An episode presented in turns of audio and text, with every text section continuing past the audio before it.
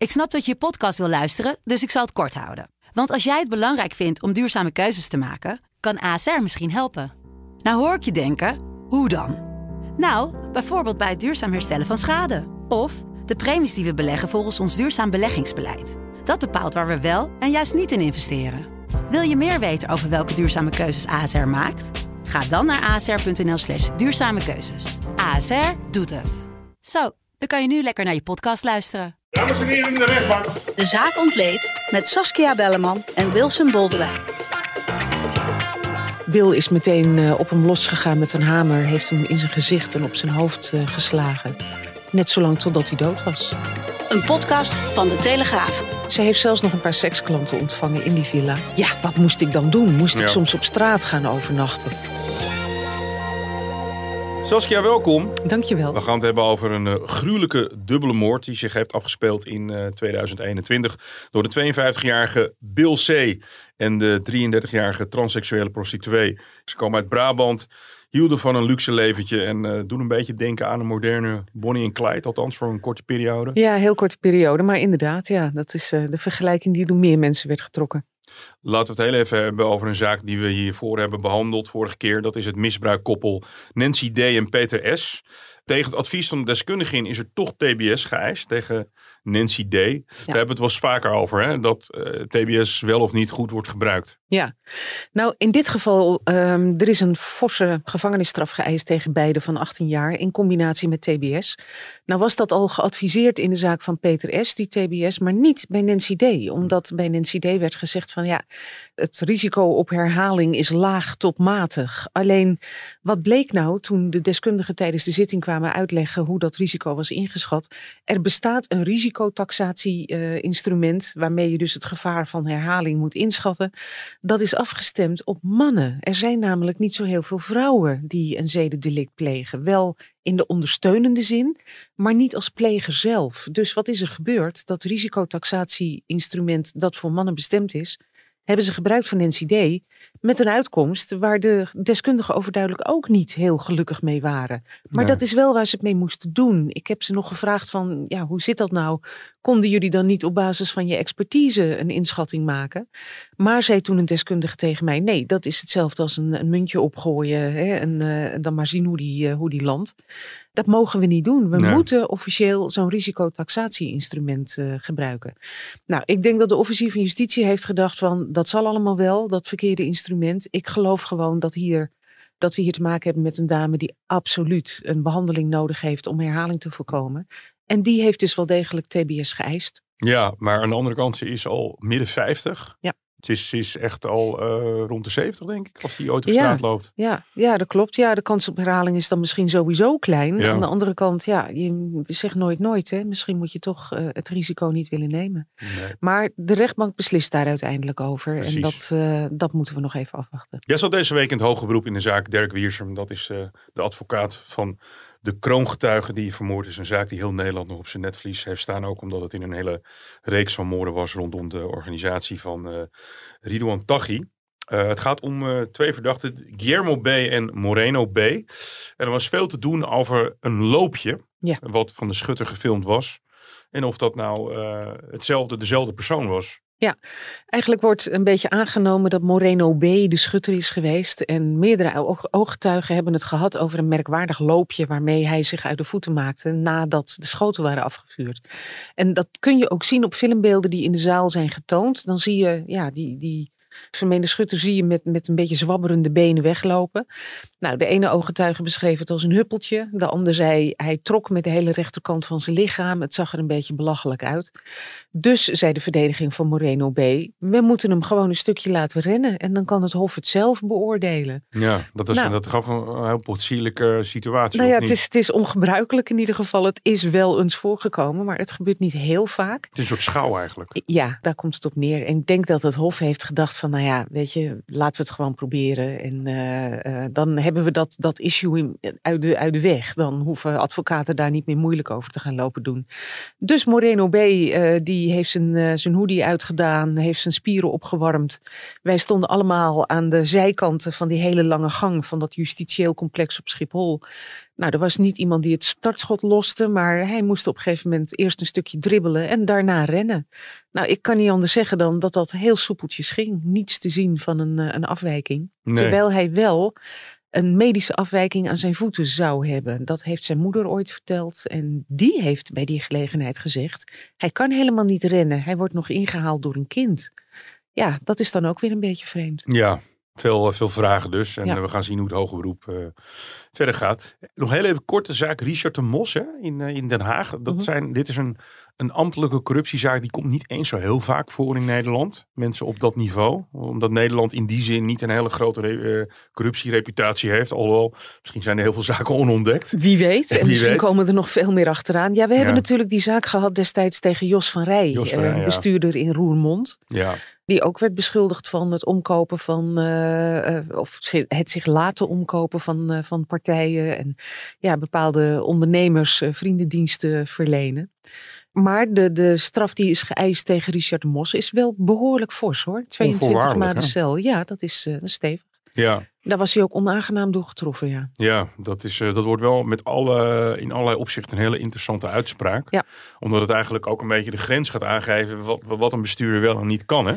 Ja, maar dat zou je ook zeggen na die zaak Jos van Rij. En eigenlijk vielen de overeenkomsten in beide zaken maar ook wel heel erg op hoor. Je hebt daar te maken met twee flamboyante politici.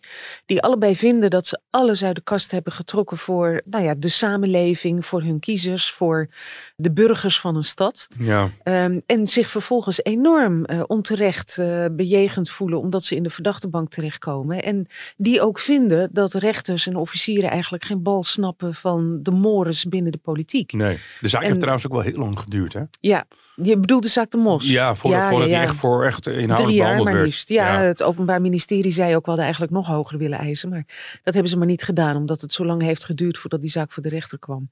Maar wat wel heel erg duidelijk wordt in dit soort zaken, dat was bij Van Rij zo, dat is nu weer zo.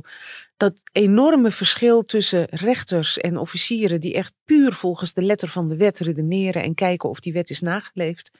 En de politieke praktijk, die volgens mij echt niet alleen bij de Mos en Van Rij op een andere manier werd ingevuld dan Ja. de regels voorschrijven. Je zit natuurlijk ook altijd met een soort abstractie dat een ondernemer kan jou een bedrag schenken.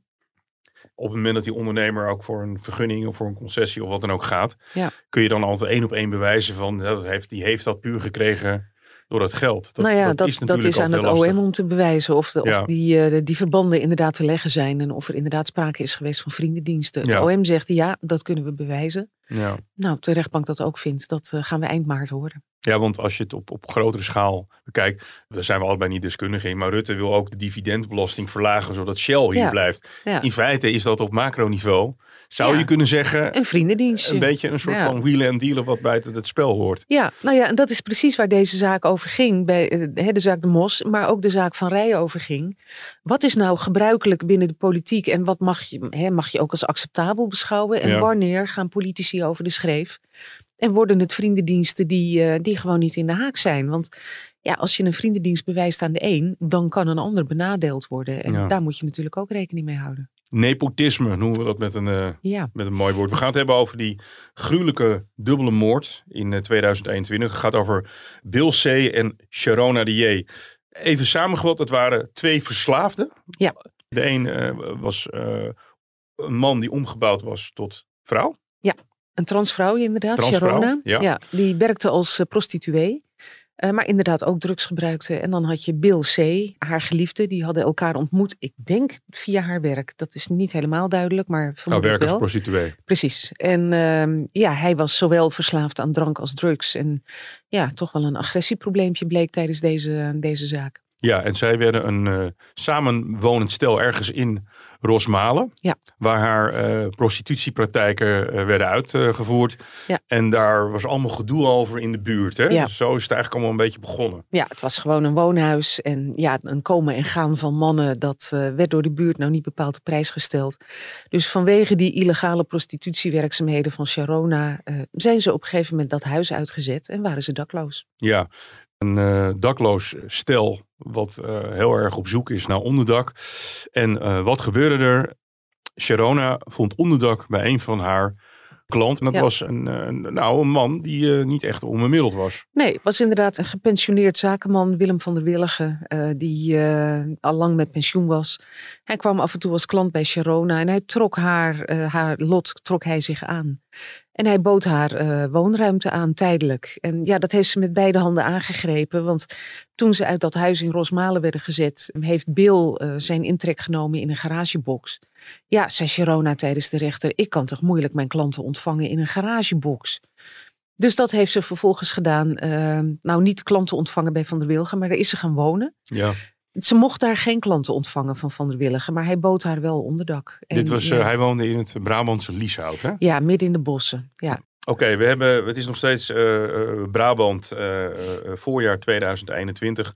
We hebben een stel, die zijn uit huis gezet wegens openbare ordeverstoring in de buurt. ja en illegale prostitutie. Illegale prostitutie. Ja. Zij gaat bij een van haar klanten wonen, een rijke zakenman. En hij woont in een garagebox. Ja. Wat gebeurde er daarna? ja, op een gegeven moment is eh, Bill is naar dat huis van Van der Willigen toegegaan. Hij wilde met Sharona praten, zei hij, en hij miste haar. Ja, of hij nou ook heel boos was eh, omdat zij bij eh, Van der Willigen was ingetrokken en of hij, of hij jaloers was. Dat kwam er niet helemaal uit. Eh, vermoedelijk heeft dat wel een rol gespeeld. Sharona kon die avond niet slapen en eh, stond in de keuken, wilde wat gaan roken. En zag Bill aankomen. En Bill zegt, eh, de achterdeur was open. Ik liep zo naar binnen in de keuken. Hij zag een, zegt hij, een hamer op tafel liggen. Heeft hij gepakt, is in een soort vloeiende beweging richting de slaapkamer gegaan. Hij, vroeg waar die van der Willige was. Nou, Sharona die wapperde wat met haar hand. Ja, Hij is daar naartoe gelopen en eh, Van der Willige lag in bed, eh, sliep. Hij sliep altijd met zo'n slaapapneu-masker op zijn hoofd. Heeft waarschijnlijk helemaal niets zien of horen aankomen. En ja, Bill is meteen eh, op hem losgegaan met een hamer, heeft hem in zijn gezicht en op zijn hoofd geslagen. Net zolang totdat hij dood was. ja. Weten we ongeveer hoe lang Sharona eh, bij eh, meneer Van Willig heeft gewoond? Niet heel lang. Dat was volgens mij nog maar net een aantal weken zo. En eh, ja, wat nou precies de reden was dat Bill daar naartoe ging en helemaal door het lint ging. Hij, hij had het over een soort opeenstapeling. Ehm, Hij was ook niet eh, erg gelukkig in, de, in, in zijn garagebox waarschijnlijk. nee, ik, dat kan ik me levendig voorstellen. Daar woon Ja. je natuurlijk niet uit vrije wil. En eh, hij schijnt tijdens het inslaan op Van de Willige ook nog te hebben geroepen: ze is van mij. Ja, dat duidt dan toch op een, eh een jaloers motief. Maar Ja. dat ontkende niet weer tijdens de rechtszaak. Wat weten we verder over Bill C. voordat we verder gaan over, de, over die moordzaak aan zich? Hij was een werkloze bouwvakker. Hij had volgens mij nog wel een baan, maar ja, door drank en drugs eh, verliep zijn leven niet helemaal zoals het moest. En ja, het feit dat hij uit zijn huis gezet werd, zal ook niet hebben geholpen bij, eh, bij zijn algehele welbevinden. Ja. Ja, en op het moment dat, eh, dat hij Van der Willigen had gedood, waarvan Sharona zegt dat was nooit de bedoeling en ik zag het helemaal niet aankomen, maar toen het eenmaal zo was, zijn ze wel twee weken nog in dat huis gebleven, in die villa. En Sharona heeft via de telefoon van Van der Willigen, waar ze de code van had, de familie wekenlang om de tuin geleid, heeft via appjes en zo eh, het Als- alsof hij nog in voorkomen. leven ja, was. precies. En alsof, alsof alles in orde was. Wat gebeurde er met het lichaam van meneer Van Willigen? Ja, dat bleef dus gewoon in dat bed liggen. En eh, dat moet op een gegeven moment toch niet al te fris hebben geroken. En eh, Sharona vertelde zelfs dat ze nog het plan hadden gehad om het lichaam in stukken te zagen en het, en het te verdonkeren manen. Maar daar hebben ze toch maar van afgezien, omdat het eh, al in te vergaande staat van ontbinding was. Dus dat, eh, dat kon ze zelf niet meer aan, geloof ik. Ging het drank- en drugsgebruik gewoon door in die periode? Dat ging door en ze heeft zelfs nog een paar seksklanten ontvangen in die villa. Die kennelijk ook helemaal niets hebben gemerkt. Nou, na een aantal weken zijn ze vertrokken naar Amsterdam. Maar wel met medeneming van de bankpassen van Van der Willigen, eh, zijn telefoon, zijn auto, zijn muntenverzameling. Ze zijn ook eh, achter zijn pincode gekomen, hè? ja, maar dat bleek ook eh, dezelfde code te zijn als die hij gebruikte om zijn telefoon te ontgrendelen. Aha. Dus daar kwam Sharona op een redelijk makkelijke manier achter. En wat ze vervolgens heeft gedaan, hè, met alle codes die ze, die ze had weten te ontfutselen aan hem. Ze heeft aandelen en effecten heeft ze verkocht. Ze heeft die muntenverzameling heeft ze verpatst. En ze beschikte dus over een behoorlijke hoeveelheid geld. Eh, ze konden pinnen. Maar En- echt aandelen en effecten op naam ja. van eh, de heer Van Willigen. Ja, kennelijk Dan is slaagden zij staat- erin, omdat Ja. eh, dan moet je ook weten hoe zo'n Ja. trading app werkt en alles. Nou ja, het is dus geen domme dame geweest. Dat is wel duidelijk. Eh, Bill C. was overduidelijk degene die, die niet het biskruid had uitgevonden van de twee. Ja. Maar Sharona eh, ja, kwam toch wel over als een tamelijk slimme, berekenende dame. En ja, van emotie van, bij een van beiden heb ik eerlijk gezegd tijdens de zaak helemaal niets gemerkt. Zo'n man die biedt onderdak, die helpt, die verleent haar de mogelijkheid om niet in een garagebox te hoeven slapen. En dan wordt er wel gezegd tijdens zo'n zaak van het was niet de bedoeling. Maar ondertussen werd die man wel gewoon doodgeslagen. Ja. En ja, toen aan haar werd gevraagd van, ja maar als dat niet de bedoeling was en je bent er zelf ook van geschrokken, waarom ben je dan niet weggegaan bij Bill?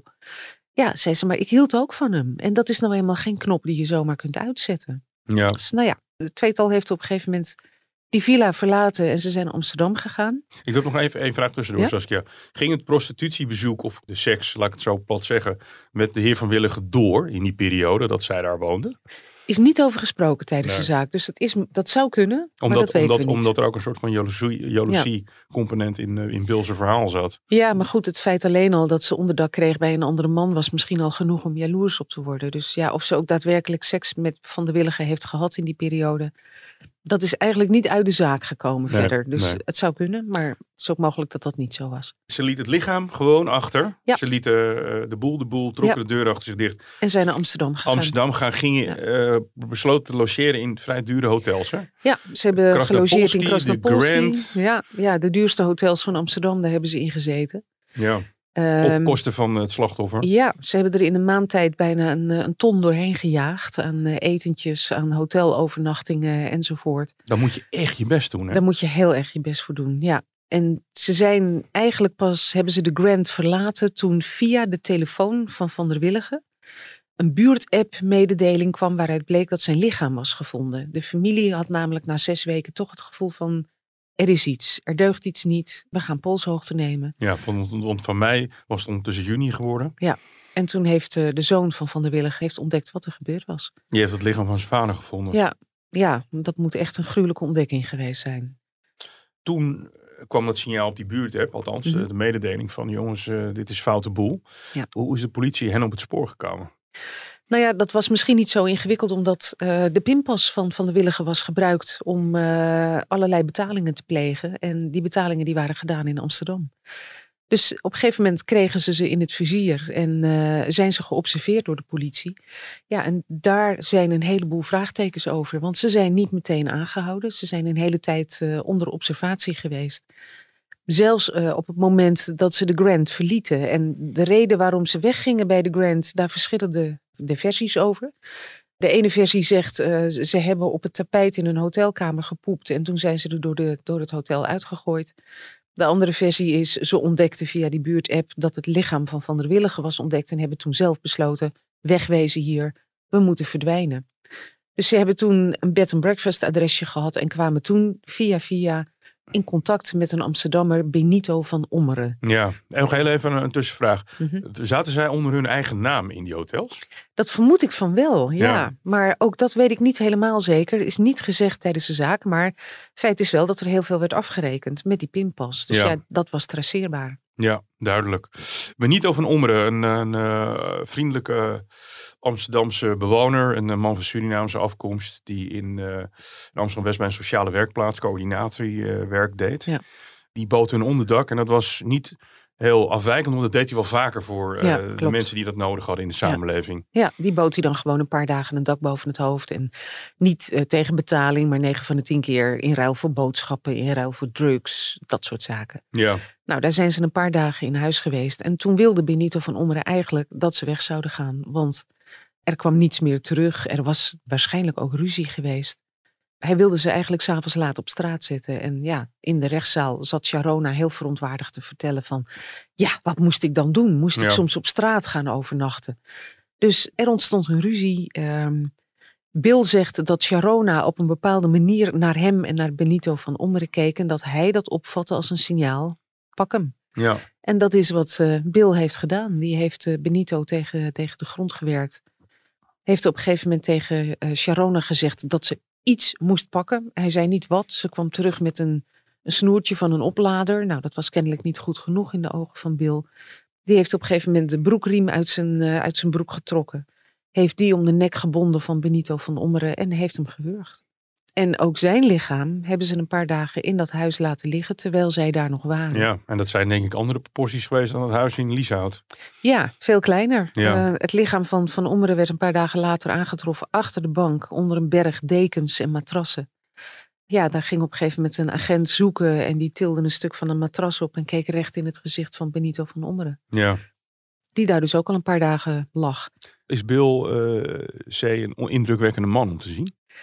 Hij is, nou, hij, het is geen klein mannetje. Nee. Um, hij zal ongetwijfeld, uh, ik weet niet hoe groot Benito van Ommeren was. Het was volgens mij niet een hele grote man. Mm -hmm. Ja, en als je onverhoeds wordt aangevallen, je verliest je evenwicht en iemand gaat bovenop je zitten, dan begin je niet altijd meer evenveel. Nee. Dus ik denk dat hij gewoon onverhoeds is overvallen en, uh, en niet meer in staat is geweest om zich te verweren. Er werd in dat huis ook nog een, uh, een vaas aangetroffen met een afgebroken rand.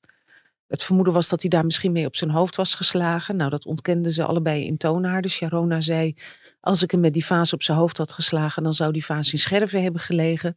Dan was niet alleen het randje afgebroken.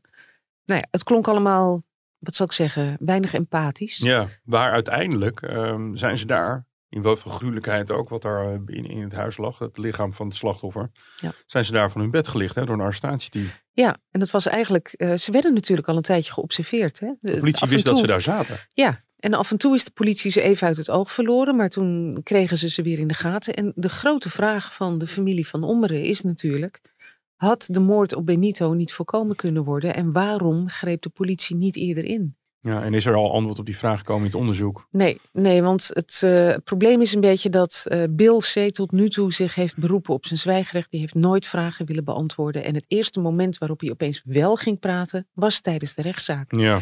Ja, toen zei de officier van justitie, ik heb eigenlijk ongelooflijk veel vragen aan hem, maar die wil ik goed kunnen voorbereiden. En ja, hij is nu zo onverwacht begonnen met verklaren. Ik heb daar tijd voor nodig. Ja, maar een, een deel van die vragen moet ook beantwoord worden door de opsporings instantie. Zou je zeggen. Ja. Ja, ja, nou ja, nou denk ik dat uh, de officier van justitie wel weet hoe de opsporingsinstanties te werk zijn gegaan. Maar de nabestaanden van Benito van Ommeren zullen die antwoorden ongetwijfeld ook willen hebben. En dat, uh, die zijn nog niet gesteld in de zaak. Daar hebben ze nog niet de kans voor gekregen. Maar reken maar dat ze dat gaan doen. En ik kan me ook voorstellen dat de familie van de Willigen zich afvraagt. Hoe is het nou toch mogelijk dat, hè, dat je dat stel in, in het vizier krijgt. Dat je kunt zien dat ze geld uitgeven en niet een beetje dat van Van der Willigen was en dat ze niet worden opgepakt. Hoe Ja. is het mogelijk? Dat is een hele grote vraag. Ja. Nou ja, ze staan eh, terecht terwijl we ondertussen wel alweer heel stuk verder zijn. Ja. Dus steeds de inhoudelijke behandeling, die nog steeds ook deze keer niet is afgerond. Nee. Waarom duurt de zaak eigenlijk zo lang? Ja, dat heeft dus in dit geval te maken met de officier die zei: Ik wil gewoon goede vragen kunnen stellen aan Bill en daar heb ik wat voorbereidingstijd voor nodig. En wat bleek, bleek aan het begin van de zaak?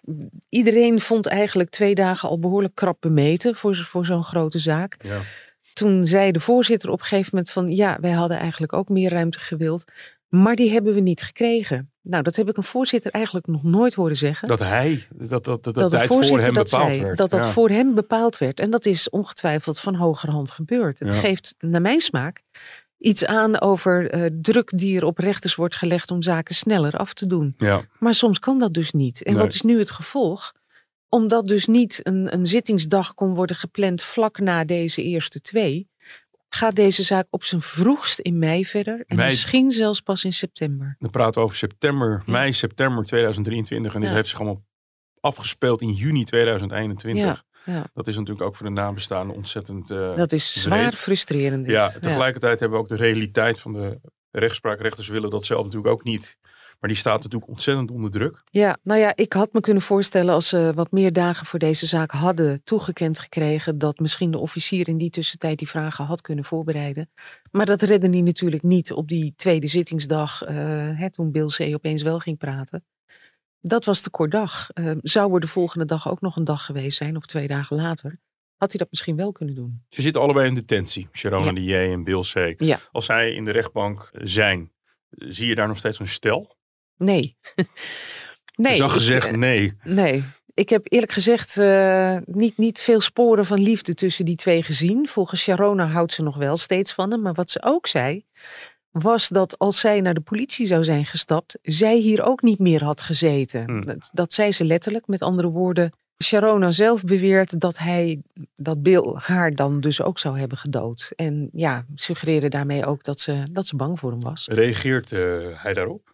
Nee, eigenlijk niet echt. Nee. nee. Wat voor indruk krijg je van hem en haar? Verslaafd, jaloers, aan de drank, aan de drugs. Ontkent dat hij een, een agressieprobleem heeft, maar ja, heeft wel twee volkomen eh, willekeurige uit de lucht vallende uitbarstingen gehad waar Willem van der Willigen en Benito van Ommeren het slachtoffer van zijn geworden. En als er dan aan hem wordt gevraagd van waarom dan?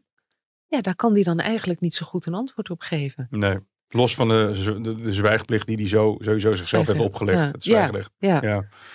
Ja, nou ja, het, het- dikke kans dat eh, deskundigen daar nog wel iets over gaan zeggen. En ehm, dat hij, als hij wat meer gaat praten, nu wat beter kunnen beoordelen. Ja, Sharona kwam op mij over als bepaald geen domme dame. Nee. En ook toch wel behoorlijk berekenend. Even voor mijn beeld. Tegenwoordig moet je altijd dat soort opmerkingen op een weegschaal leggen. Maar ik zeg, Mhm.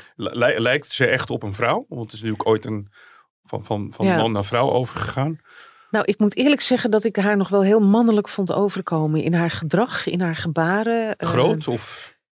niet overdreven groot. had lang blond haar, wat ze, wat ze had opgestoken. Maar ja, toch wel onmiskenbaar nog mannelijke gezichtstrekken. En ook vond ik nog wel een redelijk mannelijke stem. Ja, Eh, ik heb wel begrepen van haar advocaat dat haar ehm, overgang naar het vrouw zijn wel klaar is. Dus Ja. het is niet zo dat ze nog in behandeling is of zo. Maar ik weet niet of, of ik er nou zo naar keek omdat ik wist dat ze ooit een man was en vrouw Ja. is geworden.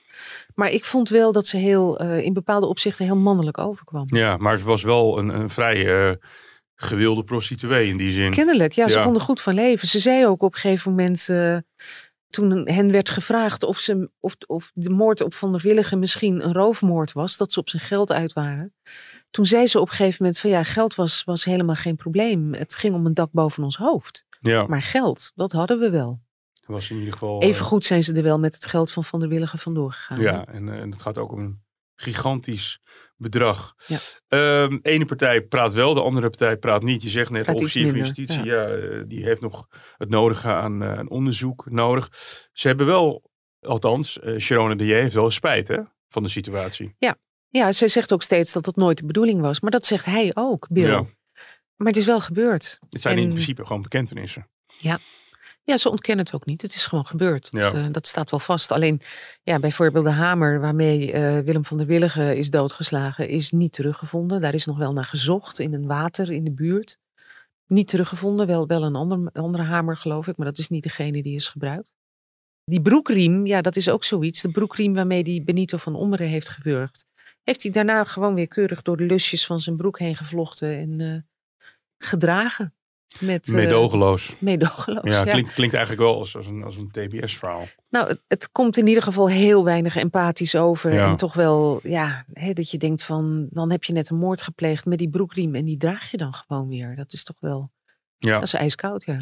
We hebben het hier over een eh, potentiële dubbele moord. Ja. Dat is tegenwoordig toch wel vrijwel zeker levenslang. Tenminste. Dat kan het eh, worden. Ja, het hangt er natuurlijk ook een beetje vanaf wat de deskundigen gaan zeggen hè, over Ja. de geestvermogens van beide verdachten. Want stel dat ze verminderd toerekeningsvatbaar worden bevonden, dan wordt doorgaans de gevangenisstraf ook wel wat minder om een, een behandeling ook nog een kans van slagen te geven.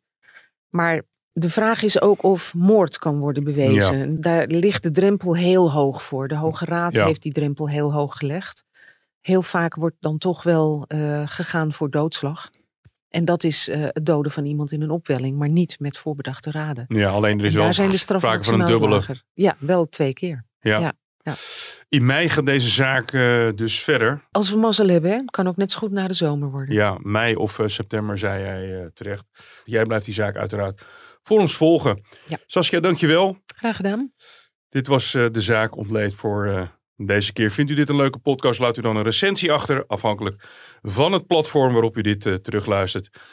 Mijn naam is Wilson Boldewijn en ons, eh, aan onze knoppen zit Marieke Mager, onze podcast operator. Ik geef haar even een Engelse term aan. Bedankt en tot de volgende keer.